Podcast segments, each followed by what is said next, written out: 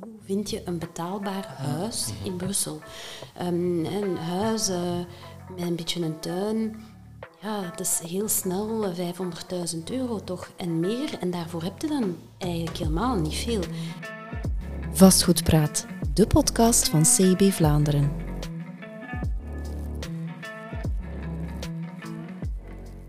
Dag beste vastgoedliefhebber, welkom alweer bij een nieuwe aflevering van Vastgoedpraat.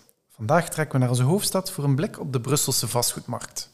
Nu, hoe is het om als vastgoedmakelaar te werken in Brussel? Zijn er verschillen tussen de Brusselse vastgoedmarkt en die in Vlaanderen? vind je als koper of huurder nog een betaalbare woning? Wij zijn Christophe Thijs en Ewout Hazenbos van CB Vlaanderen en vragen het aan onze gasten van vandaag, twee echte specialisten uit het veld. Welkom Christine Vianen van de Walen Vastgoed met kantoor in Elsene en Jos Frankaert van IMO BPC uit Koekelberg. Uh, dus ja, jullie zijn zelf allebei actief in, in Brusselse gemeenten. Um, dus Christine in Elsene en Jos in, uh, in Koekelberg. Uh, nu, zijn jullie zelf allebei rasechte Brusselaars? Ik niet meteen. Maar mijn ouders waren altijd wel geboren in het Brusselse. En ja, dat gaf er dan voor dat wij eigenlijk altijd wel een link hadden in Brussel. Dus een keer dat mijn ouders zijn tot de jaren uh, eh, 70 in Brussel blijven wonen en dan zijn die verhuisd, meer naar de buiten. Maar ja, wij gingen vooral naar Brussel. Dus de link met Brussel was altijd wel, uh, bleef altijd wel. Sowieso, eigenlijk altijd, ja. Christine? Ik ben niet echt afkomstig van Brussel. Ik ben uh, afkomstig uit Halle. Zuid-Brussel, maar dat is niet zo ver natuurlijk.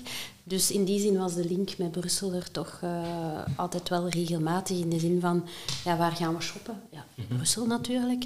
Ik ben uh, in de Maniora naar school geweest in Dilbeek, dus dat is ook de poort echt naar Brussel toe. En dan was het effectief zo, de vrijdag na het school, hè, ik er iets gaan drinken in de stad in Brussel uiteraard.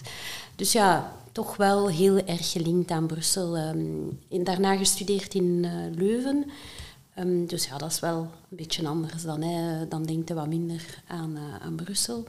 Maar um, wanneer ik gestart ben in mijn professioneel leven, uh, niet meteen in het vastgoed, maar eerst in uh, de bankaire wereld, dat was wel meteen in Brussel en sindsdien eigenlijk niet meer weggegaan uit Brussel. Dus ja, intussen woon ik inderdaad ook al heel lang in Brussel. Hè. Sinds dat ik gestart ben professioneel in Brussel, woon ik ook in Brussel. Uh, dus dat zal toch zijn al van het jaar 98 of zo. Dus um, ja. ja. Hoe ben jij dan van de bankwereld en de, de vastgoedsector verzeild geraakt? Um, Oei, daar moet lang over nagedacht ja, worden. Ja, ik, ik ben aan het nadenken hoe, hoe de, wat, wat, het meest logische gaat klinken dan. Uh, Uh, ik zat inderdaad in de bankwereld, heel, heel, heel interessant eigenlijk aan de basis. Maar ik kom uit een heel uh, zelfstandige familie die uh, ja, een, eigen, een eigen zaak hadden altijd. En dus op een of andere manier dacht ik van, ja, ik moet toch iets zelfstandig gaan doen. Um, maar ja, wat doe je dan? En vanuit fa familiaal zat er al veel zin in vastgoed en goesting om met vastgoed bezig te zijn, omdat mijn, langs de kant van mijn mama hadden wij een uh, zaak actief in uh, doe-het-zelf materialen en bouwmaterialen. En ik ben daar eigenlijk letterlijk in opgegroeid. Tot mijn uh, twaalf jaar heb ik boven de winkel gewoond, boven de hangar, ook houthandel. Um, en toen ik dacht van ja, ik ga iets zelfstandig doen, dan dacht ik ja, dan moet dat wel iets met vastgoed zijn. Maar wat dat, dat dan was met vastgoed, moest dat dan makelaardij zijn of iets anders, dat wist ik eigenlijk. Je kunt daar soms zo invallen eigenlijk ja. gewoon weg. Dat, uh, dat merk ik ook. Bij mij had ik een collega leren werken, hè, dus die werkte al in het vastgoed in het Brussels, in Molenbeek. En die zocht ja, een verkoper, want hij had te veel werk en uh, hij kon het niet alleen rondwerken. En hij zegt van ja, ik zoek iemand en ik stelde mij gewoon spontaan kandidaat. En ja, een keer dat je daar aan begint te werken in die Brusselse regio, dan, ja, dan vond ik dat wel plezant. Ik woon ook in Mechelen, dus mijn echtgenote is uh, uiteindelijk verpleegster en die werkte in Duffel, dus vroeger en nachten, dus ik moest zo'n beetje schipperen tussen een locatie. Maar daar is nog geen enkelaar op mijn hoofd die dat eraan gedacht heeft om, om, Mechelen een kantoor open te doen of in Bonheide.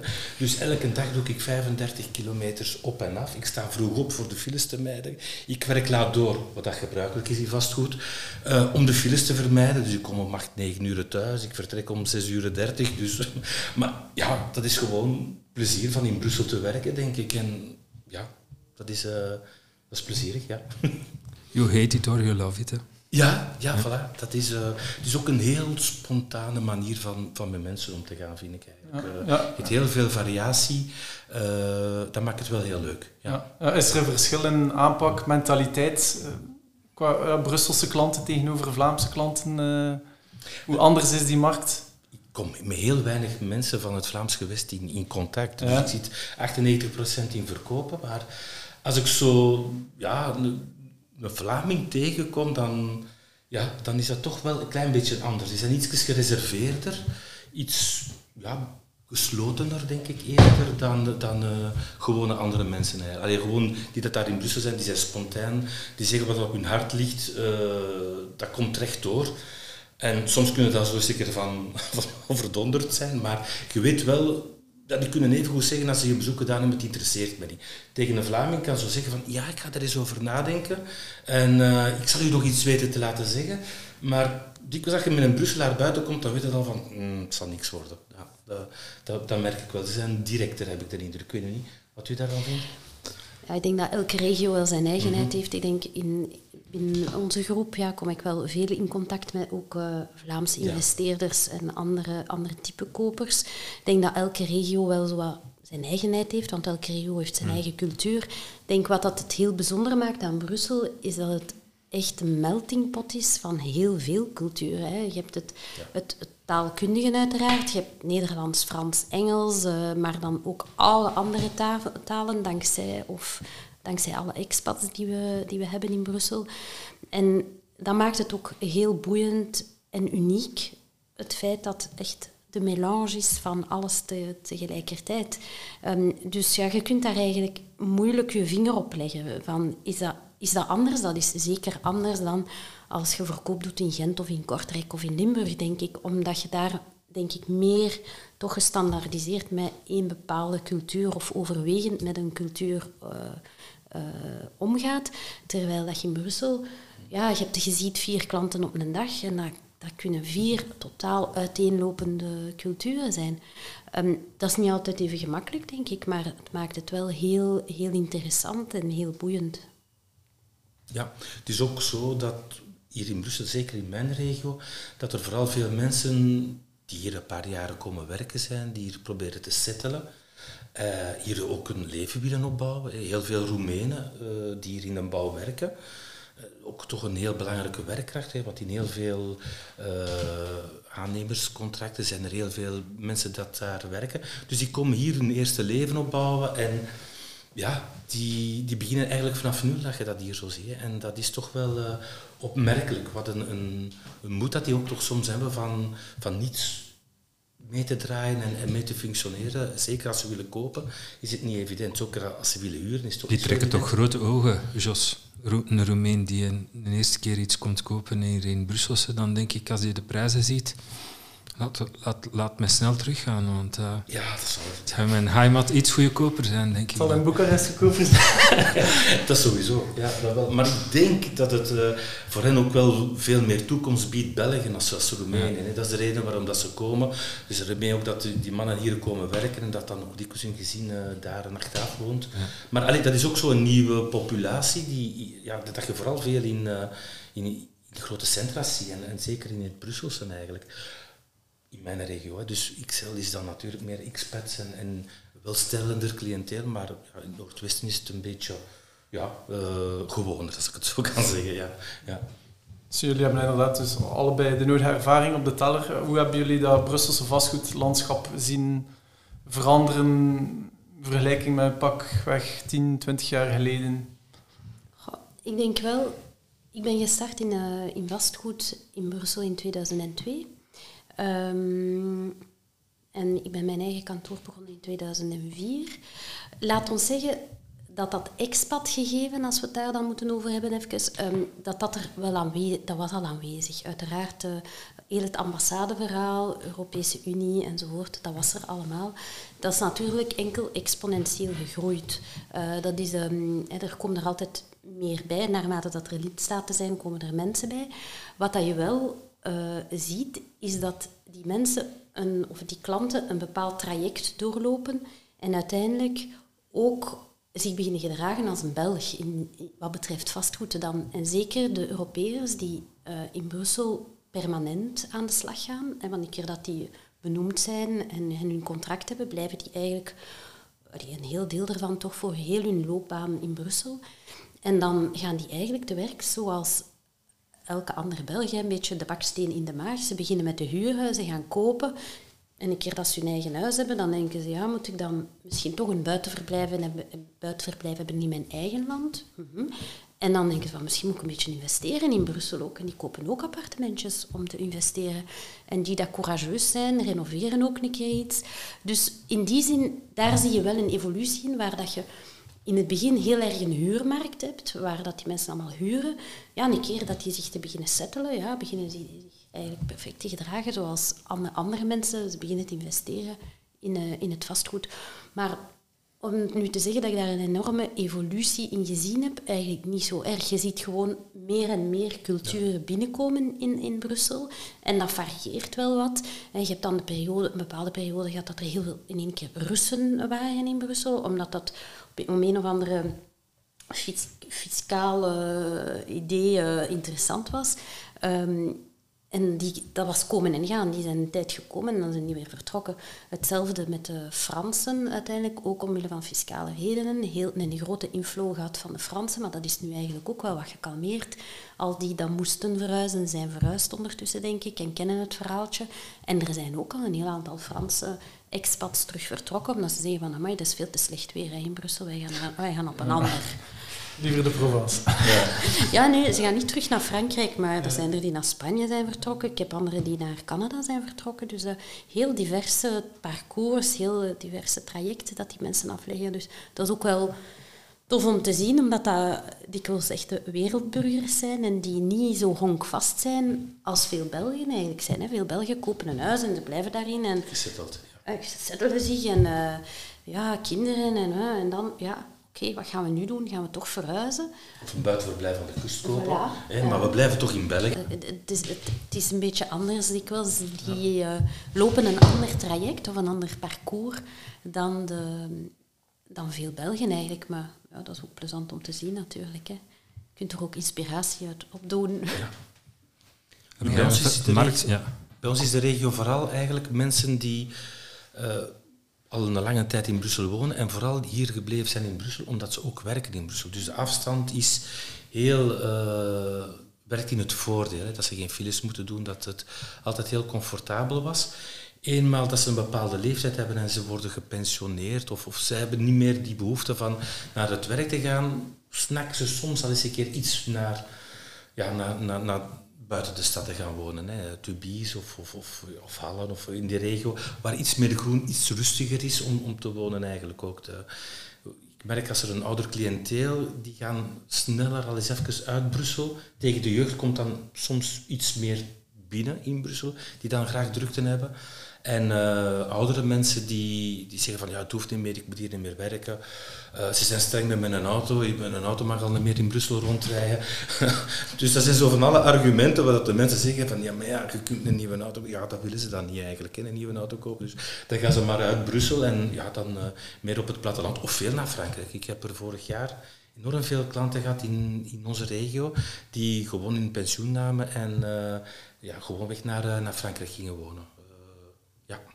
Dat brengt mij eigenlijk naadloos naar de, naar de volgende vraag. Wij analyseren bij CV Vlaanderen zowel jaarlijks de verhuisbewegingen tussen de gewesten.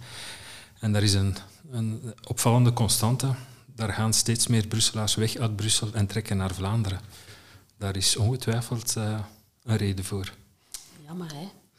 Heel jammer vind ik dat altijd om te horen. Maar het is inderdaad zo, wij merken het ook wel, maar voornamelijk bij um, jonge Vlaamse gezinnen die toch in Brussel zijn gestart. Hè. Dikwijls een eerste job. Ze komen toe in Brussel, ze willen dicht bij hun werk wonen. Het is ook plezant voor s'avonds nog een keer een pintje te gaan pakken en uit te gaan. Dus zo, hè, so far so good. En dan koppel, oh, een appartementje kopen, een appartementje met één slaapkamer, savan nog, hè, dat gaat meestal nog. En dan, dan hebben ze kinderen. Dan is, oef, nu moeten we groot appartement hebben, of liever een huis. En dat huis moet liefst ook een tuintje hebben. En dan begint problematiek eigenlijk van hoe vind je een betaalbaar huis in Brussel. Um, een huis, uh, met een beetje een tuin, ja, dat is heel snel 500.000 euro toch en meer. En daarvoor heb je dan eigenlijk helemaal niet veel. En dan zie je veel mensen die zeggen van, ja, ik ga de stap naar Vlaanderen zetten. Uh, gewoon omwille van ja, wat meer ruimte voor de kinderen, wat meer um, buitenmogelijkheden, uh, wat rustiger soms ook. Uh, de scholenproblematiek. Ja, dat heb ik ook al heel dikke school. Ja, speelt ook mee, mee niet, niet als dusdanig bij de Voor Nederlandstaligen dan? Ja, ja, niet bij de Franstaligen, meer bij de Nederlandstaligen. Omwille van het feit dat de plekken in het Nederlandstalig onderwijs uiteraard beperkt zijn. Um, en dat er heel veel van die Nederlandstalige scholen ook bevolkt worden door Franstaligen. Op zich is dat heel goed, hè, want daarmee uh, worden we allemaal perfecte Belgen en perfect tweetalig. Dus dat is alleen maar toe te juichen. Maar dat maakt wel dat ja, als, als Nederlandstalig koppel en je wilt je kind in het Nederlandstalig onderwijs binnenkrijgen, dat is een, een effectief een loterij. Uh, en kun je uh, in Woluwe wonen en in, aan de hele andere kant van Brussel, in Jetten of in Laken, een plaats hebben, wat daarom niet altijd interessant is of niet de school van uw keuze is. En in veel gevallen zeggen de mensen dan, weet wat, dan gaan we verhuizen. Hè. Dan gaan we verhuizen naar Gent of naar uh, buiten de stad, uh, waar dat er andere Is het dan eerder Gent of is het dan niet eerder de Vlaamse rand? Om toch die connectie met Brussel nog ja, wat te houden? Ja, ik heb klanten die ook verhuisd zijn naar Gent. Ja. ja die, ook, soms Gent, omwille van uh, het, is nu feit niet dat Gent zo weer, goedkoop is geworden. Nee, dus niet omwille van, wel van, van de goedkoop, maar dat ze dat ook een toffe stad vinden. Ja. Goede scholen voor de, voor de kinderen. En dat ze zeggen, oké, okay, we gaan in de Gentse rand gaan wonen dan. En dan uh, van, van Brussel naar de Gentse Dat is ja. wel echt uh, ja, ja, ja. ja, ja, Ik heb, er, uh, ik heb zo'n koppel, een familie gehad. Ja. Nu, combinatie van openbaar vervoer is ook heel belangrijk. Hè. Dus we daar treinstations zijn, als mensen in Brussel blijven werken, ja, dus alle regio's waar dat een trein kan stoppen, ja, die, die zijn aantrekkelijk, want ja, daar is het openbaar vervoer dan heel gemakkelijk. En dat, ja, dan hebben we minder files eigenlijk ook op de baan. Hè. Dus uh, dat merken we wel, uh, dat alle steden goed zijn, die een goed station zijn en die heel goed georganiseerd zijn op openbaar vervoer naar Brussel toe. Ik denk dat dat misschien ook een beetje op termijn een, een toekomst is om, om het leefbaar te maken in Brussel. Want met de auto nu in Brussel rondrijden, oh. dat is echt uh, heel moeilijk. Allee, ja, ik, ik denk dat we binnenkort beter met een speedlek rondrijden eigenlijk, uh, voor bezoeken te doen in plaats van met een auto. Want uh, hey, tegen 30 per uur, begrijp het, het is heel veilig, maar... Het gaat niet ja, vooruit, hè? Het gaat niet vooruit. Jullie doen de huisbezoeken nog niet met de fiets, nee? Ik heb het gedaan. Ik heb het gedaan en ik vond het heel plezant in de zomer, maar um, een paar beschadigingen met een elektrische fiets en, en, en ja, dat, dat was ontgoocheld. Je kunt niet elke keer met je, klant, allez, met fiets bij je klant binnengaan eigenlijk. Hè. Voor te zeggen van, mag ik hem hier even in de hal zetten? Dus dat was een beetje spijtig, maar ik vond dat wel heel plezant. Hè. Ik heb het in de zomer een paar keer gedaan en uh, ja, dat was wel leuk. Ja. Er zijn de laatste jaren, en dat, dan brengt mij toch tot die vastgoedfiscaliteit. Hè. We hebben het al aangehaald. Een, een woning niet onder de 500.000 te vinden in Brussel, of toch heel moeilijk. Er zijn in Brussel wel wat wijzigingen geweest. Hè. Woonbonus afgeschaft 2017, uh, het abonnement verhoogd. Ja, heeft dat de, de, de eigendomsmarkt in Brussel gewijzigd? Is het moeilijker geworden om daar een woning te kopen? Of, of ja, is dat een druppel op een hete plaat, die maatregelen? Doet men te weinig om ja, die koopmarkt te stimuleren? Ik denk, ondanks het abattement en de verandering die ze nu onlangs hè, nog uh, doorgevoerd hebben, um, de verhoging van het abattement dan... Ja. Ik denk dat het eerder is wat dat jij zegt, een beetje een druppel op een hete plaat. Uiteindelijk blijft het verschil met Vlaanderen toch heel groot en is het ook wel nog altijd wat een spreidstand hè, van fiscaliteit Vlaanderen blijft toch een stuk interessanter dan fiscaliteit Brussel. Um, en speelt zeker mee in de keuze van de mensen die de stad verlaten. Wanneer dat je kiest van oké, ik wil, ik krijg meer waar voor mijn geld, of ik krijg ook uh, een andere levenskwaliteit misschien door de, door, de stad te verlaten. Um, maar die fiscaliteit is daar uiteraard een deel van, hè, of dat komt er bovenop. Uiteraard, ja, ik, ik kan iets kopen een beetje groter met een tuin en uiteindelijk ik ga minder betalen wat betreft uh, belastingen of uh, taxatie. Ja. ja, dat is wat gelukt hebt, 1 procent. Ah, ja, ja. Voilà, het is juist dat. En in Brussel zitten jullie aan? 12,5. 12, dus, ja. Dus zijn de personen die een eerste aankoop doen, die een beetje een fiscaal voordeel hebben van 25.000 euro op, het, op de eerste 200.000. Maar ja, daar heb je een appartementje voor, maar een huis, ja, dat zit het direct veel duurder. Hè. Dus voor die mensen wordt het automatisch allemaal veel te duur. En ze zien, wat krijg ik? Hè? Een klein tuintje van 30 vierkante meter of, of een driegevelwoning uh, met meer volume, recentere bouw meestal, hè, want heel veel Brusselse huizen zijn jaren 30, 40, uh, die al jaren opgelapt zijn, maar niet echt gerenoveerd zijn. Dus daar kruipt ook enorm veel geld in uh, om die oudere woningen uh, ja, echt up-to-date te maken. Zeker nu met de normen dat ze nu allemaal stil aan wat zou zo, stel dat jullie morgen politieker zijn, wat zou zo de maatregel zijn om die ja, koopmarkt te stimuleren? Wat denken jullie dat Soelaas biedt? Want de prijzen die gaan morgen niet dalen. Hè? Nee, ik denk dat je aan de markt op zich natuurlijk heel weinig uh, kunt veranderen. Hè. Dat is een beetje wat het, wat het is. Um, ja, ik denk dat je eigenlijk echt iets aan de fiscaliteit dan iets moet gaan doen en dat je een beetje het gat moet toerijden met Vlaanderen. Met Vlaanderen hè, en dat je misschien beter je wat aligneert op het, uh, op het Vlaams model in plaats van je eigen koers te blijven uh, varen.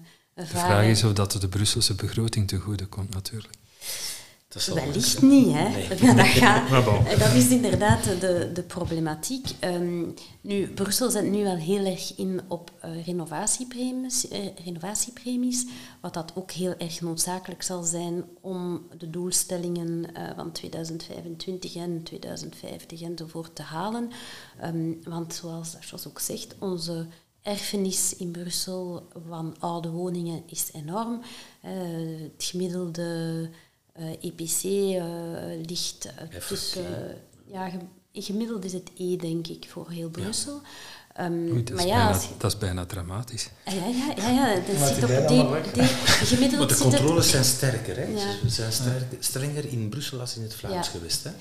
Dus D, tussen D en E ligt het gemiddelde. Maar ja, als je dan naar een gemiddelde van C moet brengen, um, gaat dat wel niet zo gemakkelijk zijn. Hè? Of een C plus naar de toekomst. Uh, en niet iedereen heeft de mogelijkheden om een woning van de jaren 30, 40 even hoogspookspat uh, om te tunen ja. naar uh, mega, um, mega efficiënt kot. Hè? Dat gaat niet weg. Je moet bijna meedoen aan een tv-programma om het te kunnen realiseren. meedoen aan een tv-programma, inderdaad. Maar, uh, maar da, en dan nog, zou ik zo zeggen, het probleem in Brussel is ook, je doet er niet mee wat dat je wilt. Want ja. heel veel van die huizen van de jaren 30, 40, die gevel is daarom niet geclasseerd, maar wel beschermd.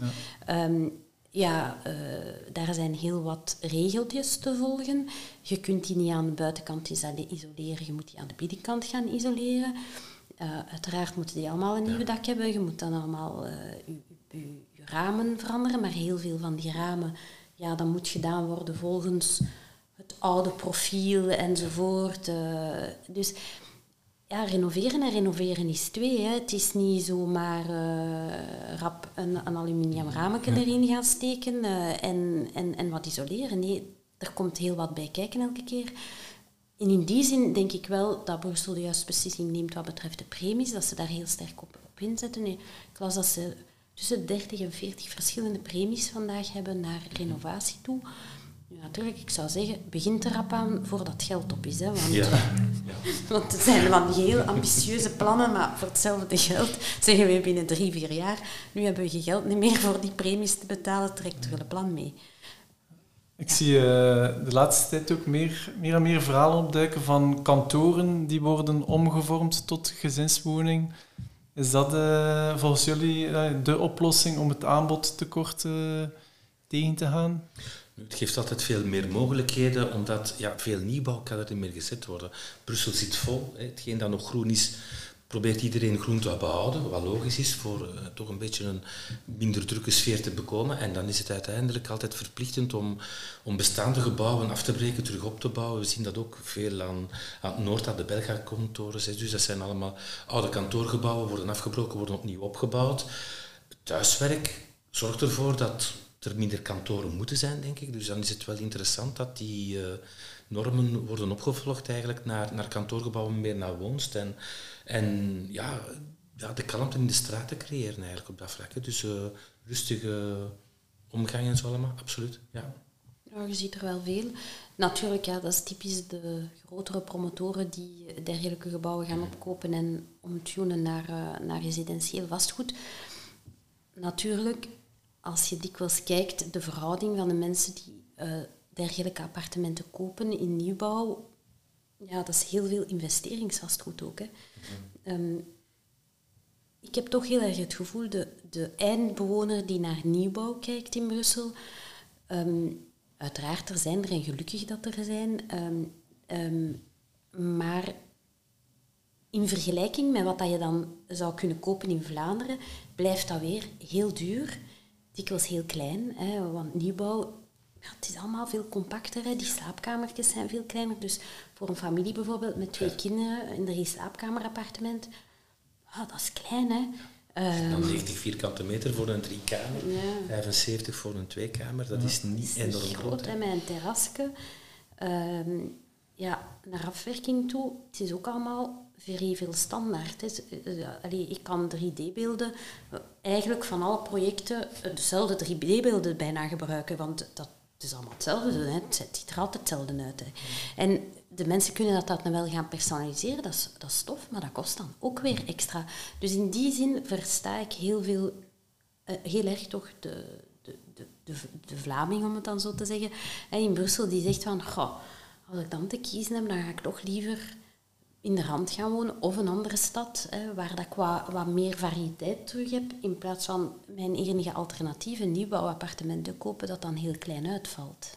Ja. En wij die dachten dat jullie als Brusselse makelaars Brussel kwamen promoten. promoten nee, nee, maar... nee, nee, nee, Ik, ik promoot Brussel heel graag en heel erg, maar we moeten de, pardon, we moeten de realiteit wel onder ogen zien. Ja. Um, dat het uh, niet altijd gemakkelijk is. Nu, ik heb wel voorbeelden van uh, families die inderdaad het oude huis van de jaren 30 kopen en dat geleidelijk aan gaan renoveren en energie-efficiënt maken. Um, maar dat zijn ook tegelijkertijd mensen die een bepaalde ideologie toch hebben en zeggen van ja, maar wij willen in de stad wonen, want we willen dicht bij uh, de school dicht bij ons werk wonen. Wij willen alles met de fiets kunnen doen enzovoort. We willen dan ons kinderen met openbaar vervoer naar, uh, naar de sport kunnen en naar, naar de academie enzovoort. die ook het leven in de stad omarmen, omwille van de diversiteit die je hebt in de stad. Um, maar dat zijn mensen die wel inboeten op een aantal van hun criteria dan. En dat wil zeggen... Uh, dikwijls buiten de ruimte waarop dat ze inboeten. Um, en het is niet het perfecte plaatje van op dag A. Ik heb heel veel het gevoel vandaag, en dat is misschien ook door, door het, al die tv-programma's, de mensen verwachten van ik koop iets en dat is picobello in orde. Hè? Ze hebben geen geduld meer. Ze hebben geen geduld meer. Het moet kant en klaar zijn. Ja. En Toen ik die gebouwd had, dan heeft dat tien jaar geduurd, heeft dat, dat eigenlijk allemaal in orde was. We hadden eerst een douche en dan daarna een badkamer. Maar nu moet dat, ja, ja. moet af zijn als ze binnenstappen. Dat kost geld. Ja. En de mensen die dan blijven, zitten heel dikwijls veel meer in die gedachtengang van we kopen iets oud en we gaan dat geleidelijk gaan renoveren en we zien wel en ça va. Terwijl dat de anderen zeggen van ja, maar ja, wij willen iets dat af is, in orde is van in het begin. Hè. Ja, en dan, dan, dan werkt het niet meer in de stad. Of dan, tenzij dat je natuurlijk een groot budget voorhanden hebt. Hè. Als je budget uh, voldoende is, is er op zich geen probleem. Hè. Maar dat is, niet de dat is niet de gemiddelde Belg, nog de gemiddelde Vlaming. En daar zie je wel een kloof met de expatbevolking. En dan spreek ik de expatbevolking in Zuidoost-Brussel. Mensen die voor um, ja, de Europese instellingen werken, voor de grote bedrijven werken, die hebben een ander budget. En voor hen stelt de problematiek zich veel minder. Ik merkte in de jaren 90, toen ik al in, in het vastgoed aan het verkopen was, dat er heel veel mensen van buiten de rand, door mijn boeghoud in Wemmel en zo, die een heel mooie villa hadden, die hadden in de jaren 75, woonden die in Brussel, verdienden dan goed, goed geld, ik zal het zo zeggen, kochten dan een heel riante villa juist buiten Brussel en dan waren die terug op een bepaalde gepensioneerde leeftijd. En dan kwamen die terug naar Brussel, want die wouden een appartement hebben en wat werden appartementen gebouwd? In Brussel. En ik merk dan ook vanaf 2010 is er zoveel nieuwbouw in de rand rond Brussel gekomen, met Dielbeek. Iedereen heeft mooie appartementen. Dat die mensen zeggen van, ik woon in Dielbeek, ja, ik koop mijn appartement op mijn oudere leeftijd. ook in Dilbeek. En minder snel terug naar een grootstad gaan. Dus ja, Brussel moet het van de jeugd hebben, denk ik, op termijn. Sowieso. Veel jonge mensen die actief en uh, een bruisende stad zoeken eigenlijk. Dat is het. Ja. ja. De vraag is of dat de jeugd dat nog kan betalen, de prijzen in Brussel. Ja.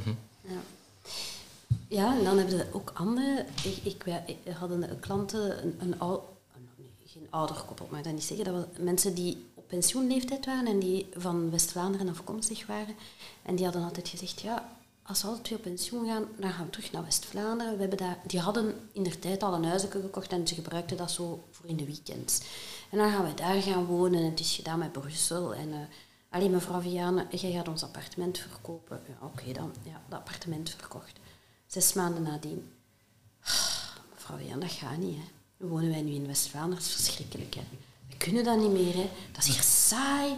Nee, wij moeten terug naar Brussel komen. Hè. Dat gaat niet. Hè. Wij worden hier compleet depressief. Die mensen zijn, wel, die zijn effectief teruggekeerd naar Brussel. Ze, ze konden niet meer aarden in, ja, in, op de buiten. Het was te rustig. Te kalm. Te veel te kalm. Uh, ze misten de stad en die zijn teruggekeerd naar, naar de stad. Oh, ja, dus je hebt de stad, je hebt de stad. Hè. Het leven in de grootstad, een, een wereldstad. Oké, dat is misschien wel, ja. misschien wel te, te sterk gesteld. Voor België is dat eh, goed, hè? Ja, voor maar inderdaad, een overgang naar het West-Vlaamse platteland is inderdaad wel heel groot. Hè? Ja, het was een moeilijk blijkbaar. Dus wij zien eigenlijk alle soorten bewegingen. Hè? Maar, maar ja, fiscaliteit, prijs is toch een element dat enorm meespeelt. Ja, inderdaad, dus, je hebt dus de mensen die graag willen kopen, maar die niet kunnen kopen. En die dan uiteindelijk toch gedwongen worden naar die huurmarkt. Hebben jullie die, die evolutie doorheen de jaren eh, vastgesteld, dat afgeleiden naar een huurmarkt in Brussel? Vanaf dit jaar is het enorm. Ja? De vraag achter als er een appartement bij ons te huur komt, daar, ja, dat is zoals in de COVID voor verkoop. Dan konden we ook niet volgen, dan zetten we niets op in publiciteit en dan kregen we op het kwartier hadden we 30 afspraken al ingepland. Nu is dat met verhuring ook zo. Dus, uh, en dat is louter, denk ik, gewoon omdat de interesten duurder geworden zijn, dat de mensen meer goedkeuring krijgen van de bank of dat ze zeggen van we kunnen het niet meer aan. En uh, ja, dan moeten we maar huren, hè, want uh, even afwachten, we moeten toch een, een behoorlijk dak onder ons, over ons hoofd hebben. Dat denk ik dat zo, maar dit jaar is het echt schrijnend, de verhuurmarkt, absoluut. Ik denk wel dat Brussel altijd een heel sterke verhuurmarkt heeft gehad. Sowieso, ik denk dat het uh, voor de verhouding eigenaar-huurder altijd helemaal anders heeft gelegen in, uh, in Brussel dan, dan, in, dan in Vlaanderen pakweg. Um, maar dat neemt enkel toe. Hè. Inderdaad, wanneer dat je geen pand kan komen, om, kopen omdat je ofwel de middelen niet hebt of de, de aanbreng niet hebt, de eigen middelen niet hebt, ja, dan blijf je sowieso in de huurmarkt hangen. Hè. Uh, natuurlijk, dat speelt mee. Plus, je hebt ook een, een, beweging van echt volontair willen blijven in de huurmarkt. En dan spreek ik inderdaad ook over jonge, actieve professionals. Die zeggen, ja, maar ja, dat kopen, uh, ik weet ik dat niet. Moet je daar al mijn geld in steken? Ik weet ik niet of ik binnen twee jaar nog in België ga zijn. Misschien ga flexibiliteit. ik... Flexibiliteit. mobiliteit, uh, binnen België, buitenland. Ja, en ook altijd al dat gedoe als eigenaar. Je moet dat, dat, dat, onderhouden, je moet dit, je moet dat. Weet je wat, kan ik huren en dan moet ik me daar allemaal niet mee bezighouden. En dat merken wij wel binnen onze huur- en ook beheer, want wij doen ook uh, privatief beheer of rentmeesterschap bij ons, ja, dat heel veel huurders gedragen zich als op hotel. Eh, we komen toe, we zetten ons valies. Ah, de lamp is kapot. Ja, kunnen die een keer komen veranderen? Uh, nee, dat is de huurdersverantwoordelijkheid. Ja, maar allee, wat ga ik dan doen? een nieuwe lamp kopen, een op je ladderje zetten en een lamp indraaien. Hoe moet dat? Hè? Ja, hoe moet dat? Ja, maar dat zijn wel heel hoge plafonds, hè, mevrouw. Ja, dat zijn hoge plafonds. En vandaar dat er daar in de garage een hele grote ladder staat, dan kan u die lamp veranderen. Weet je wat dat hij zei? Ja, zegt hem, ga ik wachten zoals die spotjes kapot zijn en dan ga ik verhuizen. We zijn al aan het anekdotes begonnen. Ja, ik smijt er eentje tussen. Ja, ja, ja. zeg maar, die huurprijzen, hè, want hè, jullie zijn al verduidelijken dat het toch wel, hè, de huurmarkt is aan het opleven in, in Brussel. Wij, zien die, hè, wij houden met onze huurbarometer ook die prijzen in de gaten. We zien die ja, sinds vorig jaar steviger stijgen. Hebben jullie ook dat gevoel? Uh, ja, heeft dat te maken met dat de het aanbod te weinig is, de vraag te groot, de vraag die toeneemt, uh, samenloop van omstandigheden? Nu, in mijn regio verhuurde ik tot vorig jaar of een jaar en een half terug eigenlijk altijd onder de verhuurbarometer, ik zal het zo zeggen. En nu dat die er is, weet het eigenaars ook.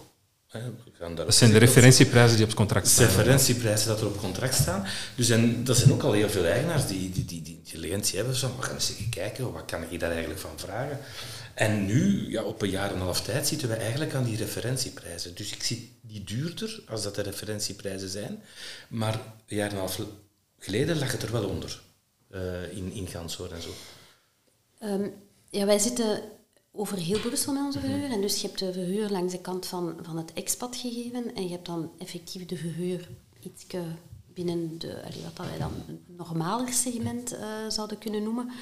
Um, wij zien eigenlijk een beetje de beiden. Uh, zeker in, in het segment waar iedereen graag een appartement wil huren, typisch de twee slaapkamerappartementjes, en je zegt dan van, ja, ga ik nog eentje vinden voor 850, 900 euro. Ja, aangezien dat er daar dan veel vraag voor is, ja, dan gaat die prijs inderdaad wel naar boven. Um, maar ik denk, inderdaad, prijs is ook niet zaligmakend. Hè. Ik denk, er zijn veel andere parameters in het beslissingsproces bij de eigenaar um, die even belangrijk zijn. Een solvabele huurder, een goede huurder hebben. Hoe lang gaat die blijven? Wanneer gaat hij eraan beginnen? Um, wij raden dikwijls onze, onze eigenaars ook aan van ja, zet de huurprijs niet onrealistisch hoog. Um, het is beter van een correcte huurprijs te hebben en een goede huurder. Een huurder die elke maand liefst betaalt, die de boel goed onderhoudt, die een beetje langer blijft, dan iemand die zegt na jaren, ik ben, ben weer weg. Um, dus ja, die huurprijs, inderdaad, op papier zien we die zeker uh, naar stijgen. Ik denk dat we ook segment per segment moeten bekijken, ook gemeente per gemeente. Ik denk dat sommige gemeentes hebben gezien die sterker stijgen dan andere. Ik denk ook gemeentes die misschien een beetje een achterstand hebben of hadden, die ook op niveau zijn gekomen, dat zeker.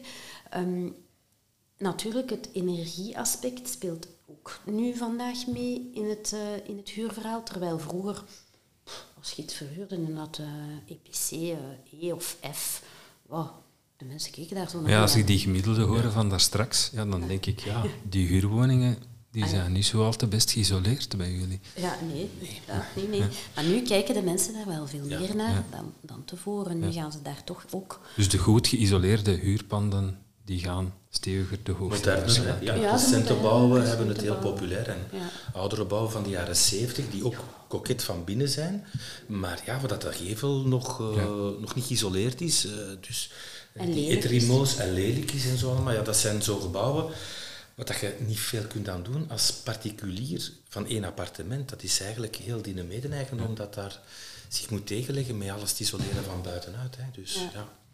Dat zijn moeilijke verhuurbare appartementen. En hebben jullie het gevoel, want dat was ook een van mijn vragen, dat het aanbod nog voldoende is? Bij ons wel, ja. Ik heb niet het gevoel dat, dat we echt te weinig aanbod hebben. Ik vind nu ook in deze periode komt er eh, veel bij op de markt. Dus dit is echt een heel drukke periode voor mhm. verhuur voor ons. Er komt ook veel aanbod bij, appartementen die vrijkomen. Typisch mensen die twee, drie jaar geleden gehuurd hebben en uh, die verhuizen. Dus er komt wel wat bij. Dus ik, heb, ik heb niet het gevoel dat we direct... Uh, nee, ik denk ook als je op IMO hebt... Nee, Spotto kijkt. absoluut, absoluut.